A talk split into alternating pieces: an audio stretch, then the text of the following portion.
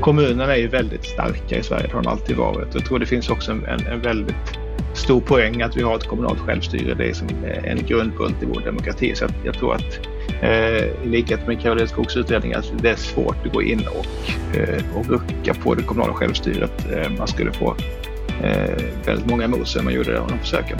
Men däremot så tror jag att eh, det här skulle kunna leda till en, en ökad debatt och diskussion om de här frågorna eh, om just Eh, det nationella, det regionala och det kommunala ansvaret. Så att säga. Och, och, eh, så det hoppas jag på att, att vi kan bidra.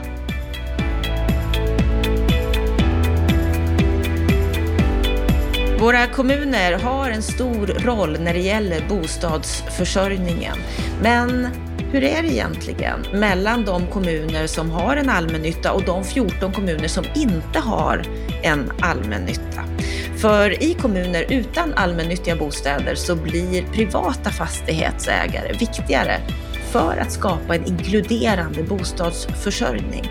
Om man jämför kommuner som har en allmännytta med de som inte har, så kan man säga att de som inte har, ja, det kanske är så att de inte heller tar samma ansvar för bostadsförsörjningen.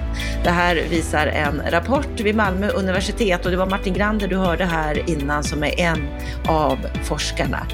Vad betyder det att alla kommuner inte har en allmännytta? Vad betyder det för den sociala bostadspolitiken? Vad betyder det för den sociala dumpningen som vi kan se ökar i de här kommunerna? Är det så att segregationen mellan kommuner ökar på grund av att allmännyttan inte finns överallt? Det ska vi fördjupa oss i idag. Varmt välkommen till Bopolpodden. Jag heter Anna Bellman och när du har hört samtalet med Martin Grander, då ska du få en kommentar av Lennart Weiss.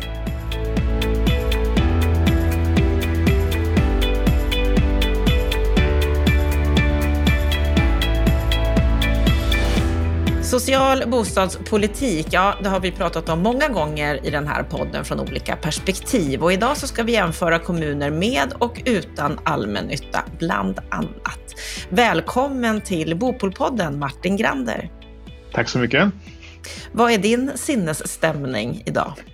Ja, sinnesstämningen är väl ändå ganska okej tycker jag. Det är ju eh, lite soligt eh, och våren är väl långsamt på väg. Så det känns, det känns ju ganska så bra tycker jag. Ja, det, man får vara glad för det som finns. Precis så. Precis så. Du är biträdande universitetslektor vid Malmö universitet, forskar om bostäder och stadsutveckling, väldigt intresserad av allt som har med boende, bostadens betydelse, segregation, integration, flitig debattör. Varför så starkt intresse för bostadspolitik? Ja, nej men det har väl eh, hållit i längre tid nu mitt intresse för de här frågorna. Men i grund och botten tycker jag att det handlar om att boendet och bostaden är en så pass viktig fråga för oss alla människor med tanke på att den, den eh, har så stor inverkan på våra liv, eh, våra egna liv, våra barns liv, våra, hur, vi, hur vi har det med våra familjer. Eh, eh, ja, hur och var eh, vi bor, om vi bor, får påverkan på, på eh, oss som individer och eh, som grupp, som människor, men också på hela samhället. Så jag tycker att mm. frågan om boendet och bostaden är så pass central för, för egentligen eh, det mesta. Så därför tycker jag att vi kan koka ner det allra mesta eh, i samhällsutveckling till frågan om boendet. Tycker du att den har den framträdande plats som den borde ha i, i debatten och i fokus från politiskt håll, från kommunalt håll och så vidare?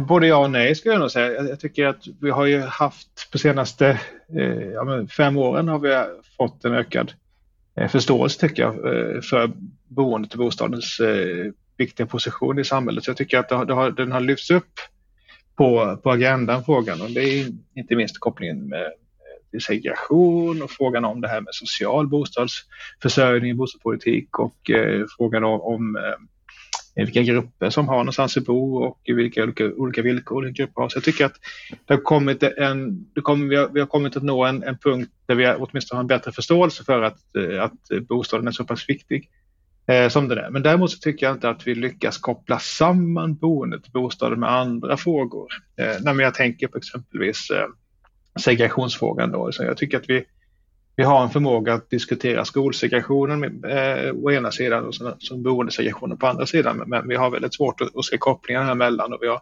också svårt att se eh, kopplingen mellan bostadspolitiken och andra politikområden. För att det tycker jag blir tydligt nu med, med, med Karolina Skogs utredning att den, den, kan ju lägga fram vissa förslag som handlar om bostadspolitik men det är också så tydligt att de flesta förändringar som måste göras för att få en bättre fungerande bostadsförsörjning handlar om andra politikområden än just bostadspolitiken.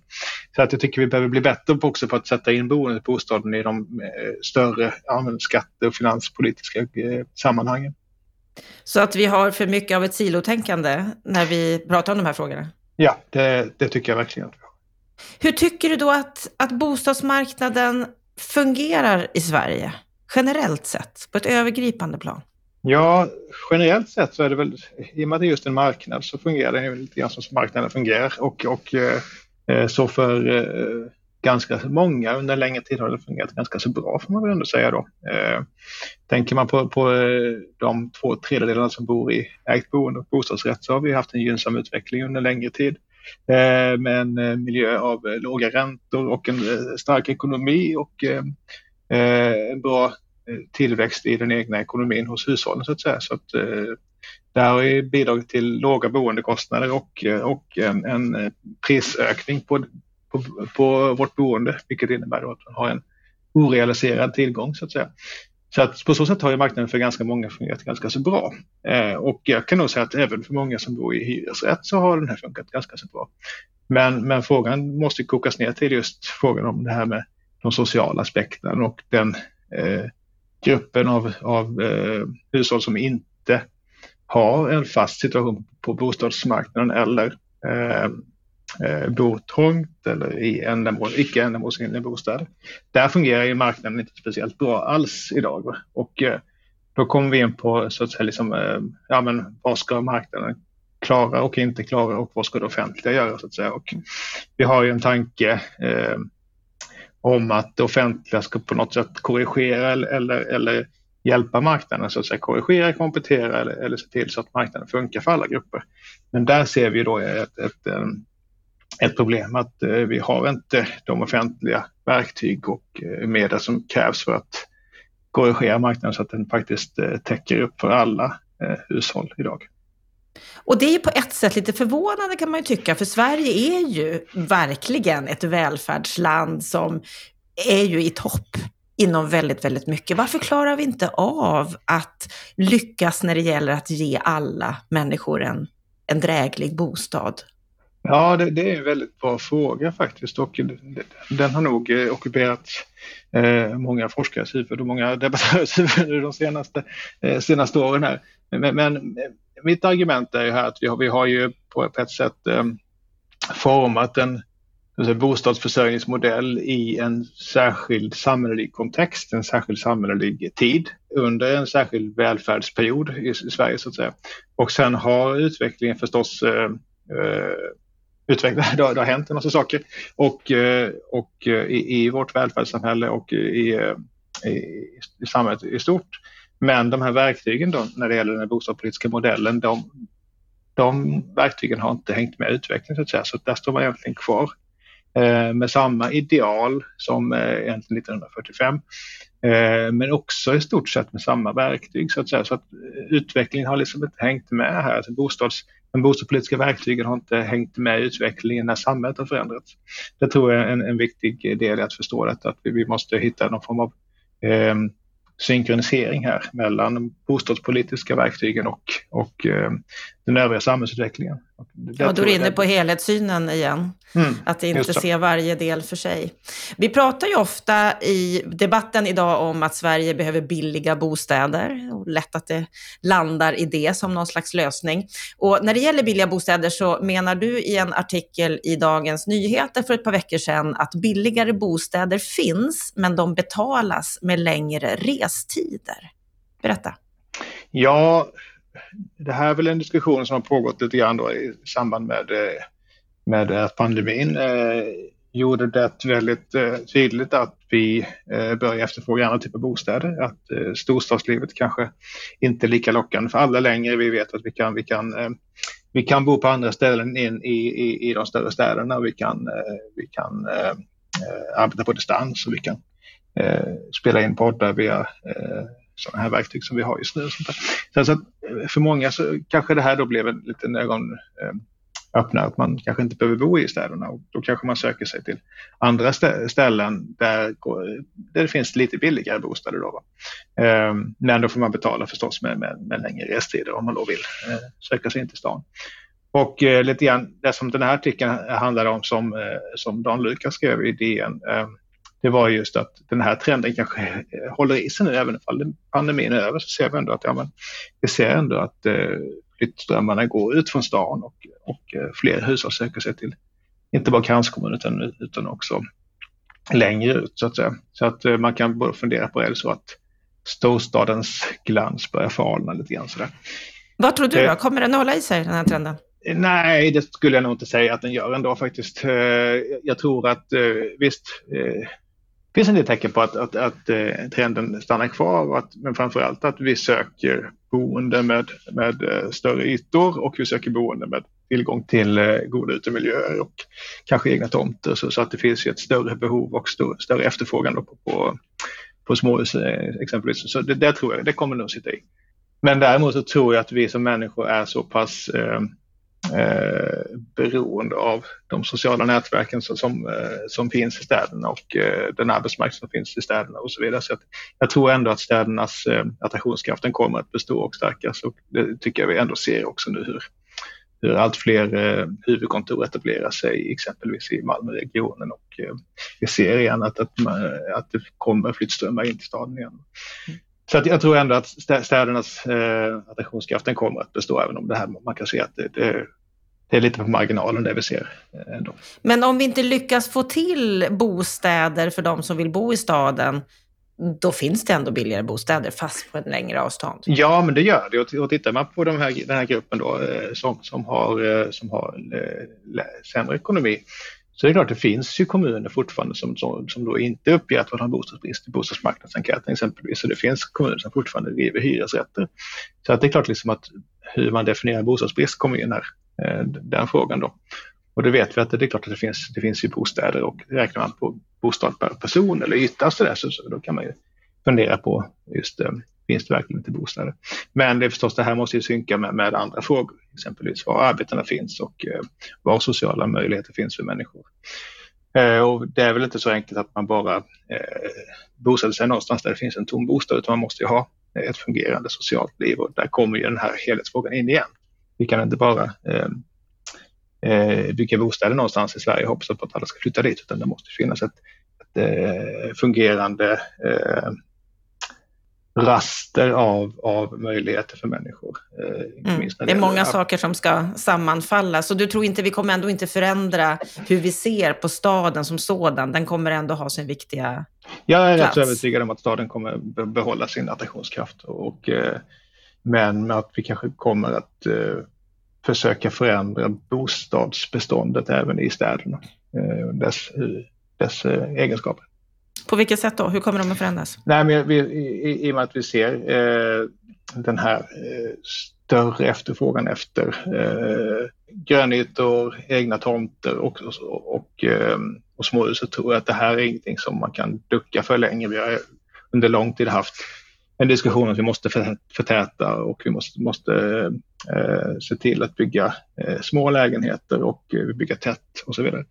Men, men eh, jag tror att man kommer hitta mer innovativa möjligheter för att faktiskt eh, skapa möjligheter även för småhusbyggande och radhusbyggande i, i, eh, i täta områden.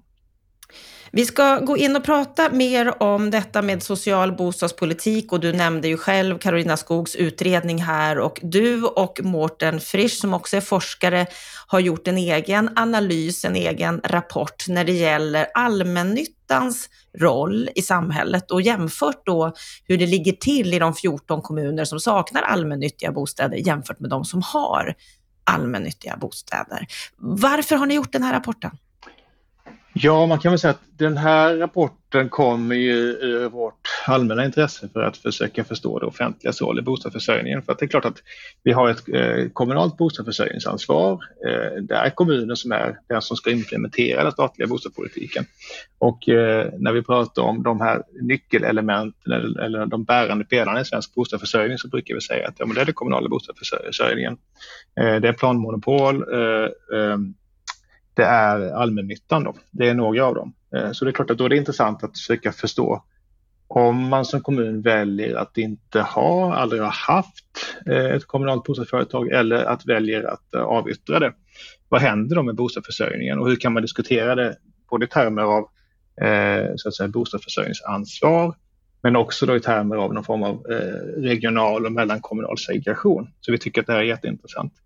Och i samband då med att vi, vi eh, med att Karolina Skogs utredning gick igång så, så har vi diskuterat de här frågorna fram och tillbaka och man kan väl säga så att eh, hennes utredning visar intresse för frågorna också och då intensifierade vi vårt arbete med den här rapporten så att den skulle kunna hinna bli klar i tid till utredningen. Så att säga. Och om vi ska börja bara med, med att liksom sätta någon slags en, en grund, vad skulle du säga är allmännyttans roll med tanke på att ni har analyserat detta? Ja, allmännyttans roll är ju historiskt sett att, att, att uh, vara då en, uh, en viktig kugge i det kommunala bostadsförsörjningsansvaret och se till så att uh, det faktiskt finns ett visst utbud av bostäder med god kvalitet och till rimliga hyreskostnader. Då. Så det är ju på något sätt grundbulten som har funnits där sedan eh, sedan Hednös, höll jag på säga, men sedan 1945 då. Och eh, den här idén lever fortfarande kvar och vi har fortfarande kvar idén om att det här ska vara eh, god kvalitet, eh, tillgängligt för alla då förstås, för inte bara särskilda utsatta grupper. Eh, men heller då inte eh, enbart för hushåll med väldigt höga inkomster utan det ska vara liksom tillgängligt för alla. Så det här är någon form av grundbult och den, den idén finns ju fortfarande kvar skulle jag säga och, eh, och är väldigt viktig för svensk bostadsförsörjning som det ser ut idag. Är det en bra idé? Eh, det skulle jag nog säga att det är ändå. Det finns alltid eh, möjlighet att problematisera den rollen då med liksom att varför ska vi ha kommunala bostadsföretag som, som, eh, som vänder sig till alla eh, men ägs av kommunen som är ett icke eh, vinstdrivande eh, organisation. Så att säga. Men de här företagen då är undantagna från det och ska drivas, drivas med vinst. Eh, det kan man verkligen fundera på logiken i detta. Då. Varför ska kommunala företag konkurrera med privata?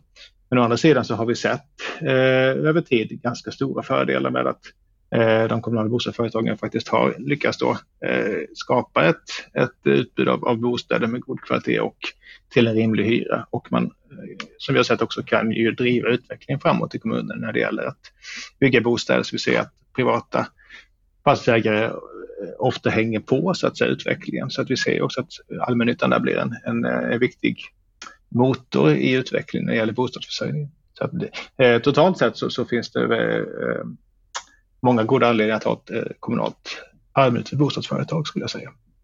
Kan jag tolka det så att de kommuner som har allmännyttiga bostadsbolag, att de är bättre på att eh, lyckas med den sociala bostadspolitiken, att ge människor med låga inkomster en bostad?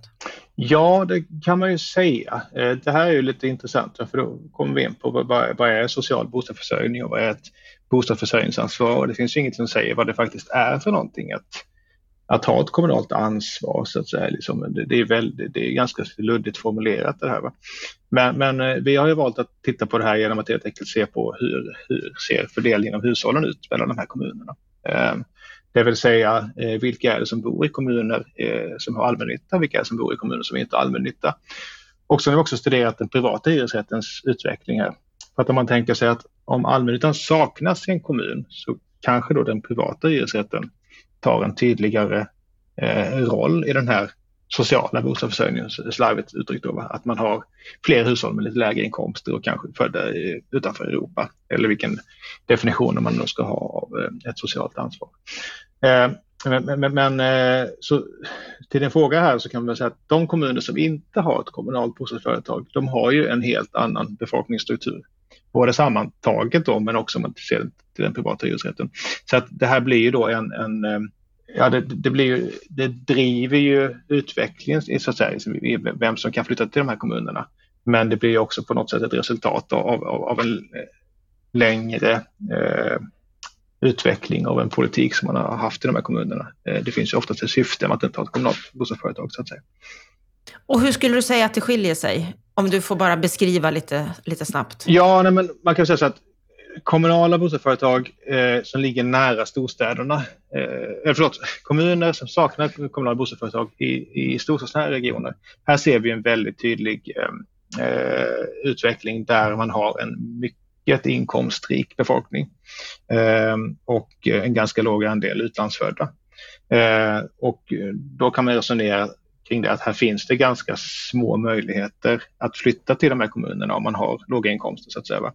Och eh, man, ska man då vara rent krass så kan man se det som att de här kommunerna som ligger i storstadsnära lägen då, de utnyttjar ju sin, sin geografiska position eh, med tanke på att det finns eh, storstäder i närheten där det finns gott om arbetstillfällen eh, och där det, det, finns gott om, eh, om, eller kanske inte gott om, det finns i alla fall hyresrätter, det finns ofta kommunala hyresrätter.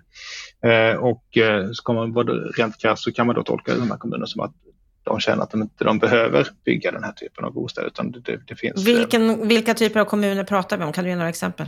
Ja, det är Danderyd, Lomma, Staffanstorp, den typen av kranskommuner runt våra, stora, eh, våra storstäder. Framförallt är det Stockholmsregionen och Malmöregionen. Ehm, och det är ofta eh, bra pendlingslägen in till storstäderna så att säga. Liksom. Och, och då, då, eh, då, har man ju under en ganska lång period valt att satsa på en annan typ av bostadsbyggande än, än hyresrätter och i detta ligger också att man har antingen avvecklat sitt kommunala bostadsföretag i, eh, nu på 2000-talet eller längre tillbaka i tiden, på 90-talet. Och vad betyder det då att 14 kommuner inte väljer att ha en allmännytta? Ja, det är förstås intressant för att det finns ju inget som, som säger att man måste ha ett kommunalt bostadsföretag. Och det är heller inte så att, att det finns något lagstadgat bostadssocialt ansvar, så att man måste ha en viss befolkningsgrupp i kommunen, att man måste ta eh, eh, ansvar för exempelvis hushåll med, som befinner sig i köpkraftskvartil 1 eller vad man nu vill, eh, hur man nu vill definiera detta. Va? Utan det här är ju väldigt intressant att resonera tycker vi utifrån frågan vad är ett bostadsförsörjningsansvar och hur ska man se på det? Och hur ska man se på den här frågan om, om eh, det kommunala självstyret? Ska kommuner då ha möjligheten att egentligen planera för en viss typ av, av, eh, av befolkningens skattekraft? Eller ska man se det som att det finns eh, en större tanke om nationellt ansvar, en nationell politik, kanske regional tanke då som, som också finns eh, beskrivet i eh, den kommunala bostadsförsörjningslagen, att man ska ha en regional eh, eh, tanke i detta. Så det, det, här blir ju, tycker jag, kanske en mer ett underlag för diskussion. Hur ska man se på bostadsförsörjningsfrågan? Vad är ett kommunalt bostadsförsörjningsansvar och hur ska man se på den egna kommunen i förhållande till kommuner som man angränsar till och hur ska man se på det regionala ansvaret. Så, eh, så jag tycker att det här finns det väldigt intressanta diskussioner som skulle kunna föras, både när det gäller de här olika skalnivåerna, nationell, regional och kommunal.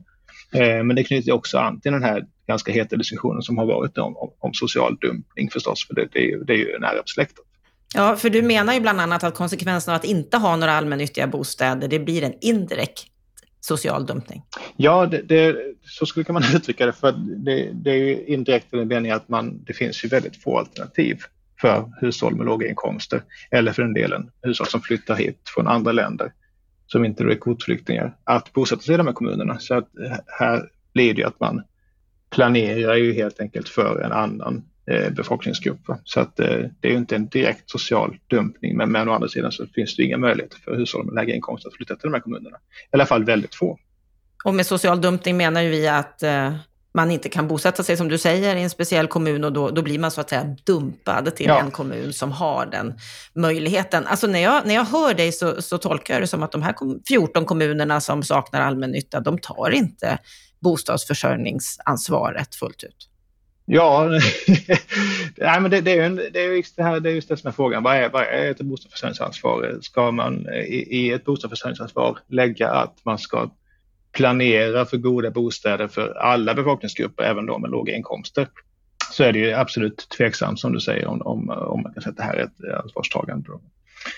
Um, och sen så har vi förstås frågan om de här sociala kontrakten som eh, en del kommuner hävdar på att ja, men vi kan istället ta eh, vårt ansvar genom att ha eh, Eh, kommunal andrahandsuthyrning då via sociala kontrakt. Och det, det, ser vi också väldigt tydligt i de här, i de här studierna, i den här studien då att, att i kommuner som saknar allmännytta så är det då en väldigt hög eh, grad av användning av de här sociala kontrakten. Så att det kompenseras på något sätt då genom de här sociala kontrakten som förstås då är villkorade och, och eh, en parallell bostadsmarknad får man ändå säga.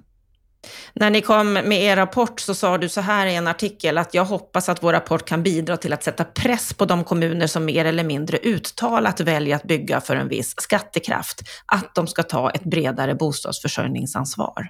Mm.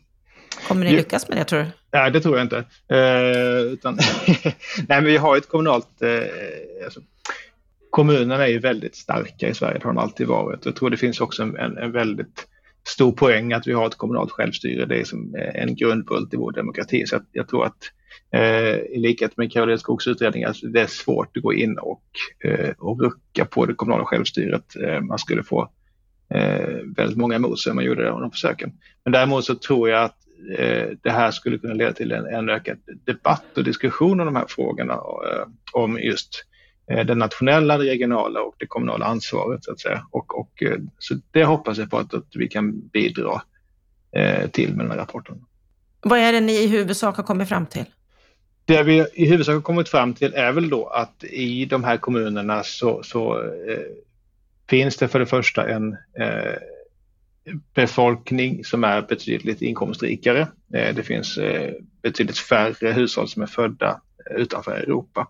Och vi ser också att det här blir någon form av självförstärkande eh, struktur i den meningen att, att inkomstrikedomen i de här kommunerna ökar ju eh, över tid. Och eh, på samma sätt som andelen då utlandsfödda minskar också relativt sett mot andra kommuner. Så att det är det vi menar då på att eh, avsaknaden av allmännytta blir både då ett, ett, ett, ett resultat av den här bostadsförsörjningsstrukturen men det blir också en orsak till att vi ser ytterligare segregation och, och ojämlikheter mellan kommunerna. Så att det här, det här blir en, en självförstärkande struktur i den meningen. Och, eh, och då kommer vi fram till det att, att eh, det här bidrar till en ökning av den eh, mellankommunala segregationen. Och utifrån ett normativt perspektiv så är det kanske då inte förenligt med en nationell idé om en bostadsförsörjning som, som, eh, som är jämlik eh, och, eh, och gynnar alla oavsett ekonomiska och andra villkor. Så det här bidrar till att vi kommer att se en ökad segregation?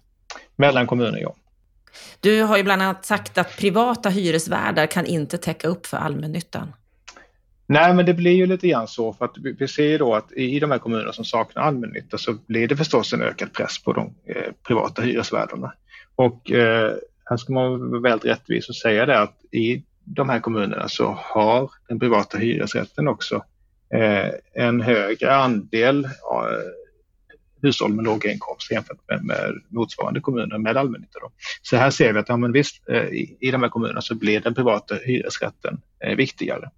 Men det vi också ser är att de här eh, är eh, här blir ofta den privata hyresrätten ganska så liten i de här kommunerna, alltså man är inte speciellt stor till marknadsandelen. Och det innefattar det också att då får vi en ökande, det som vi kallar för residualisering av den privata hyresrätten, så det blir ytterligare då ett steg mot någon form av indirekt social housing. Ehm, och man kan då, i och med att man har ett ganska litet bestånd, så kan man heller inte axla det ansvaret fullt ut, utan det vi också ser i detta då, det är ju att eh, beståndets storlek är jätteviktig och i privata hyresrätts i den privata hyresrätten i många kommuner så ser vi att har man en större andel av beståndet så har man också en mer, ska man säga, jämnt spridd demografisk struktur. Det vill säga att man är inte en, en boendeform för enbart hushåll med låga inkomster utan, utan eh, ju större andel man har desto jämnare inkomstspridning. Det vill säga att man har då en, en, en, en, en allsidig sammansättning av hushållen och det gäller också allmännyttan. Så ska man då se det utifrån någon form av eh, tanke om att vi ska ha ganska eh, likartad struktur i befolkningen så eh, ser vi att de kommuner som har, har en jämn, ungefär jämn storlek av både privat och allmännyttig hyresrätt, det är där som balansen också ser bäst ut. Så ska man förespråka någonting utifrån det perspektivet så är att man ska ha en ganska likartad storlek på den privata och den allmännyttiga hyresrätten. Eh, och att den inte får vara för liten heller då, för då får vi den här tydliga social housing-prägen på hyresrätten. Vad har du fått för respons på, på rapporten? Ja, nej, men det, det, här är väl kanske inte så mycket som, som förvånar någon egentligen. Vi, vi vet ju att eh, många kommuner, eh, framförallt i storstadsnära lägen, har en särskild eh, idé om hur både bostadsförsörjnings eh, och den demografiska utvecklingen eh, ska, bör och kan se ut. Så att, säga. Så att det här tror jag eh, man säga, tydliggör väl det som är den allmänna uppfattningen om, om, eh, om eh, storstädernas kranskommuner så att säga. Så att, men, men däremot så tror jag att det här har gett också lite ytterligare bränsle på den elden att eh, hur, hur, hur, man kan förstå bostadsförsörjningsansvaret i en, i en större geografisk kontext. Vi har ju nämnt eh, Karolina Skogs eh, bostadssociala utredning här vid ett par tillfällen, Sänk tröskeln till en god bostad, som ju kom för några veckor sedan. Du menar att den inte riktigt tar det helhetsgrepp och ger de förslag som eh, borde ges, om jag tolkar dig rätt. Vad, vad, vad säger du om den här utredningen? Ja, nej men så kan man väl säga det. Sen så hade den heller inte direktiven att göra några omdanande eh, förändringar exempelvis i finans och skattepolitiken så ska man vara rättvis med att säga också. Ehm, men, men det som jag tycker är eh, bra med den här utredningen det är ju ändå att den, den gör en väldigt viktig och eh, bra historisk genomgång av den svenska bostadspolitiken och pekar på det som, som flera forskare på senare år har, har sagt också, att vi har aldrig haft en helt generell bostadspolitik utan vi har alltid varit beroende av selektiva inslag, lite grann som jag var inne på inledningsvis, som korrigerar marknaden. Så att säga.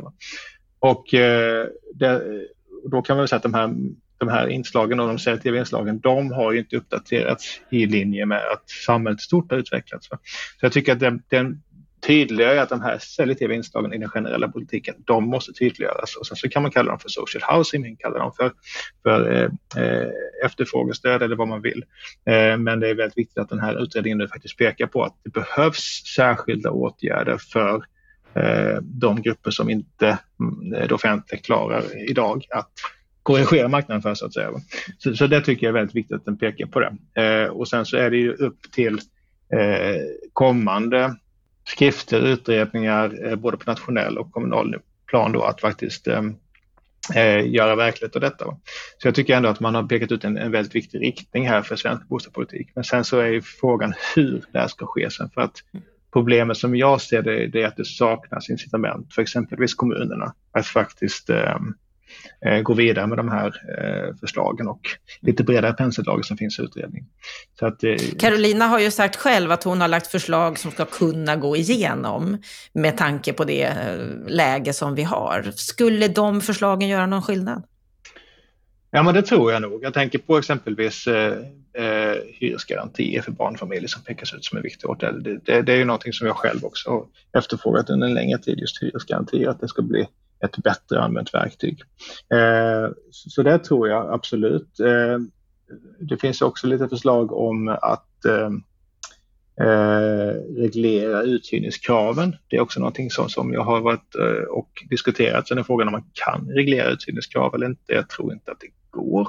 Eh, kanske inte heller önskvärt, men jag tycker även där att frågan om att diskutera vad uthyrningskraven gör både för individer och för bostadsförsörjning och för samhället i stort är jätteviktigt. För att där finns det ju väldigt tydliga belägg inom forskningen att uthyrningskrav hjälper ju inte inte till särskilt mycket när det gäller exempelvis att eh, hyresgäster faktiskt ska betala hyran utan, utan det bidrar framförallt till stigmatisering och så vidare.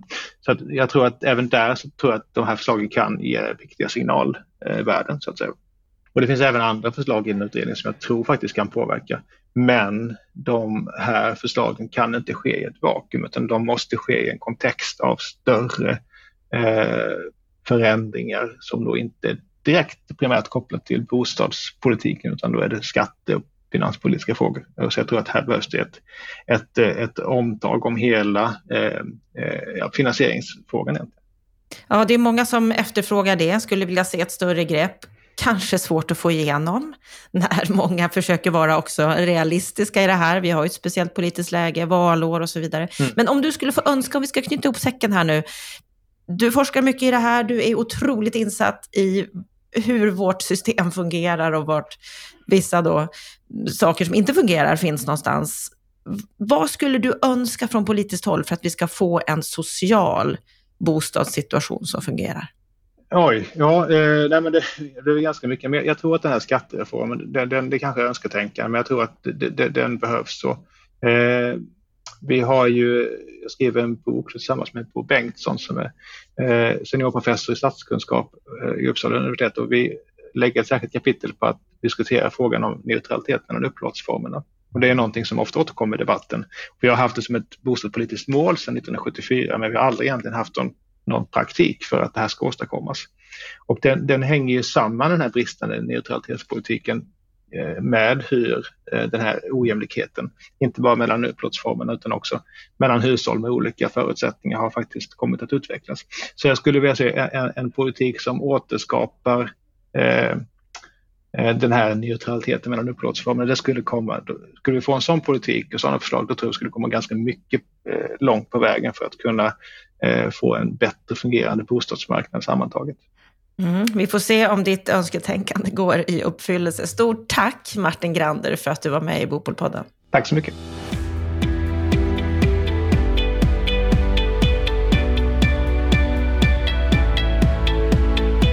Då har vi hört samtalet med Martin Grander, Lennart Weiss. Vad säger du om det här samtalet? Intressant.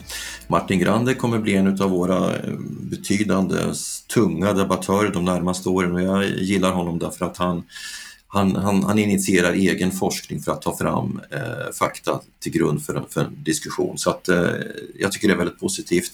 Och man kan ju säga att Alltså det finns flera tankespår här som jag tycker är intressanta eh, och ett tankespår som han tar upp eh, det, det, det, var synd att han inte fullföljde det, för han sa nämligen så här som övergripande analys till bostadsmarknadens problem, att det har skett en stor samhällsförändring. Och då säger han att de bostadspolitiska verktygen har inte hängt med i samhällsutvecklingen i övrigt.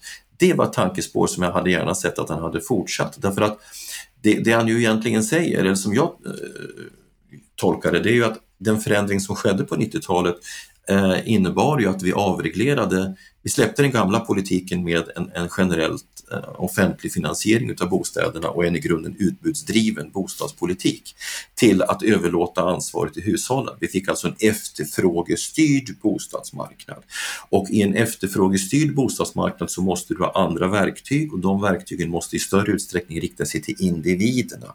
Det tankespåret hade jag gärna sett att han utvecklat därför att där är ju andra länders bostadsmarknad eh, intressanta paralleller. Eh, de har ju levt i den typen av eh, marknadsstyrda, efterfrågestyrda bostadsmarknad som vi har under flera decennier och lärt sig att hitta verktyg som gör att hushållen kommer in på bostadsmarknaden. Och det är ju precis den här bristen på förståelse av hur en efterfrågestyrd bostadsmarknad ska fungera som är den svenska bostadsdebattens största bekymmer. Och där hade jag gärna sett att han hade fullföljt resonemanget, men så blev det ju inte utan vi kom över då till allmännyttans roll. Och allmännyttans roll kan ju bara diskuteras och förstås i perspektiv av just den här samhällsförändringen som har skett. Därför att eh, de har idag ett svårt uppdrag. De har inte längre så att säga, den här billiga finansieringen som man hade förr, som en följd av att vi har kommit in i EU Eh, som kräver konkurrensneutralitet. Vi ska alltså inte, vi har, det är inte tillåtet att ge statsstöd för att gynna en viss upplåtelseform eller driftsform. Då har allmännyttans uppdrag förändrats. Och då blir det ju lite svårt. Då måste man diskutera vilket uppdrag ska man ha. Jag tycker att han har helt rätt i att privata fastighetsägare kan inte själva axla det bostadssociala ansvaret, i varje fall utifrån de förutsättningar som vi har idag. Men då blir ju frågan, vilken roll ska allmännyttan ha? Och då kan man diskutera det. Jag, jag håller ju med om att allmännyttan lyckas idag med att vara motor i bostadsbyggandet i vissa lokala marknader. Men är det ett mål att de också ska förvalta? Kan man diskutera. Eh, de ger ett utbud, en valfrihet utav hyresrätter. Det är bra och de ger också, det är, det är allmännyttan som i allt väsentligt också erbjuder förturer, sociala förturer, sociala kontrakt. Det är bra. Men betyder det att länder som inte har en allmännytta av svensk typ eh, inte har några alternativ alls? Nej, det är, så är det ju inte. Jag menar, vi, vi kan gå till den norska eh, bostadspolitiken så, så har man utan att man har en egentlig allmännytta klarat de bostadssociala målen väl så bra som Sverige. Så att man behöver alltså diskutera eh, både, man, när man diskuterar verktygslådan så får man inte fastna i upplåtelseformer. Man måste också diskutera bebyggelseplanering, det vill säga blanda olika typer av bebyggelse.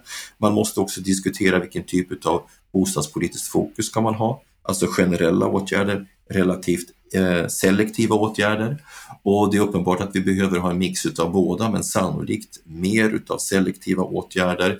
Och de sakerna kommer liksom inte upp i den här diskussionen vilket jag tycker är synd. Och avslutningsvis så gör han ju också en kommentar om, om vikten av att, så att säga, säkerställa neutralitet mellan upplåtelseformerna. Och där skulle jag gärna se att han fördjupade analysen, för den bästa analysen som jag har läst om den frågeställningen har ju gjorts av Ingmar Bengtsson och Fredrik Kopsch. Och den visar ju att den här så kallade skattemässiga effekten eh, av skillnaderna mellan ägt och är inte särskilt stor. Man brukar tala om en skillnad på 2-3 tusen kronor per kvadratmeter och år och enligt Kopsch eh, Bengtssons analys så, så, utgör så att säga beskattningsmässiga effekter 200-300 kronor, alltså en tiondel. Så jag har ju svårt att se att, att en, en förändring utav just den faktorn skulle förändra balanspunkten i bostadsmarknaden särskilt mycket. Men jag tycker att det är bra, väldigt, väldigt bra att vi får en diskussion om allmännyttans roll, för, för det är trots allt så att eh, allmännyttan spelar en väldigt viktig roll i den svenska bostadsmarknaden och då måste man föra en diskussion om hur, hur den ska kunna fortsätta att spela en roll och, och, och vad som krävs för att den ska fylla en, en roll framåt. Men man måste börja med målet och målet är fortfarande lite oklart. Och det han är inne på mycket det är ju detta att det är 14 kommuner som inte alls har någon allmännytta idag. Att privata hyresvärdar kan inte täcka upp för allmännyttan på samma sätt som om det hade funnits en allmännytta. Vad är risken och nederlaget så att säga om att, att det finns 14 kommuner som inte har någon allmännytta? Ja, jag håller, delar ju hans analys i, i, i, den, i det avseendet. Det innebär ju i praktiken att, eh, att man har så att säga flyttat problemet till andra kommuner inom samma region. Så i den meningen så är ju en avveckling av allmännyttan en typ av medveten social dumpning. Man vill ha en, en viss befolkningssammansättning. Genom att avveckla allmännyttan så tvingas de här grupperna i praktiken att flytta till andra kommuner inom regionen. Eller ännu värre, som ju uppenbarligen förekommer, att man helt enkelt flyttar dem till glesbygdskommuner och ger dem bidrag för att flytta dit och då saknar de istället jobb. Så att eh, visst belyser ett väsentligt problem, men grundfrågan eh, i det avseendet handlar ju om, om socialgrupp 4s eh, utsatthet. Och eh, där eh, är det ju så att Karolina Skogs utredning levererar vissa åtgärder hon pekar ju på behovet av, av, fler selektiva inslag i bostadspolitiken och jag tror att det är korrekt. Även om jag inte är någon anhängare av social housing i den meningen, som en, som en, som en del av en bredare bostadsmarknad, så är det ju helt uppenbart att vi behöver ha särlösningar för människor med en särskilt utsatt livssituation. Och det har vi i Sverige. Men vi har inte velat diskutera det öppet eh, egentligen någon gång, trots att det har visats ända sedan 1950-talet, trots den här enormt kostsamma generella bostadspolitiken, så har vi en grupp människor som inte klarar sig. Och, och det måste det till lösningar till. Så att eh, den här polariseringen som finns i debatten idag, eller det ganska obegåvade svaret att allting löses om man bygger mer, det håller inte. Utan eh, här, här behövs det en, fler verktyg och det är bra med den typen av analys som Grander gör, för det ger oss mer underlag för att föra en begåvad diskussion. Och han menar ju också att segregationen ökar mellan kommuner. Borde vi sätta större politiskt tryck på de kommuner som inte tar det bostadssociala ansvaret? Ja, jag, jag, tror faktiskt att det är helt nödvändigt. Det kommunala självstyret är en helig princip i Sverige och eh, några förutsättningar att, så att säga, förändra det i grunden, eh, det finns nog inte. Att, vi vill nog inte ha liksom ett franskt system, ett hårt statligt centraliserat system. Men vi behöver ha en mix, en balans. Och jag tror, som Martin Grander någonstans är inne på och som även Hans Linde har varit inne på i olika sammanhang, att staten via sina regionala organ behöver ha ett större inflytande när det gäller eh, bostadsplaneringen och ta ett större ansvar för bostadsförsörjningen och helt enkelt delegera ut fördela ut kvoter till kommunerna som man måste jobba efter. Och gör man inte det så får man väl helt enkelt bestraffa dem med de generella statliga statsbidragen. För att eh, det kommunala självstyret får inte leda till att vi får någon typ av eh, kommunal gated community. Liksom, va? Det är inte rimligt därför att eh, bostads och arbetsmarknadsregioner är starkt integrerade i Sverige då måste kommunerna vilja vara en del av en regional utveckling. Det kommunala självstyret är viktigt men fungerar inte fullt ut på alla plan när det gäller bostadsförsörjningsansvaret. Stort tack Lennart Weiss, stort tack till dig som lyssnar på Bopolpodden. Vill du förkovra dig mer? Ja, gå gärna in på bostadspolitik.se där vi samlar allt som skrivs om bostads och fastighetspolitik, där vi samlar många olika typer av rapporter och kröniker. Och signa gärna upp dig för vårt nyhetsbrev som vi skickar ut varje fredag. Där länkar vi också till veckans Aktuellt, en nytt avsnitt av vår podd där vi sammanfattar det viktigaste som har sagts i media under veckan. Med detta så önskar vi dig en trevlig vecka och hoppas att vi hörs på fredag igen.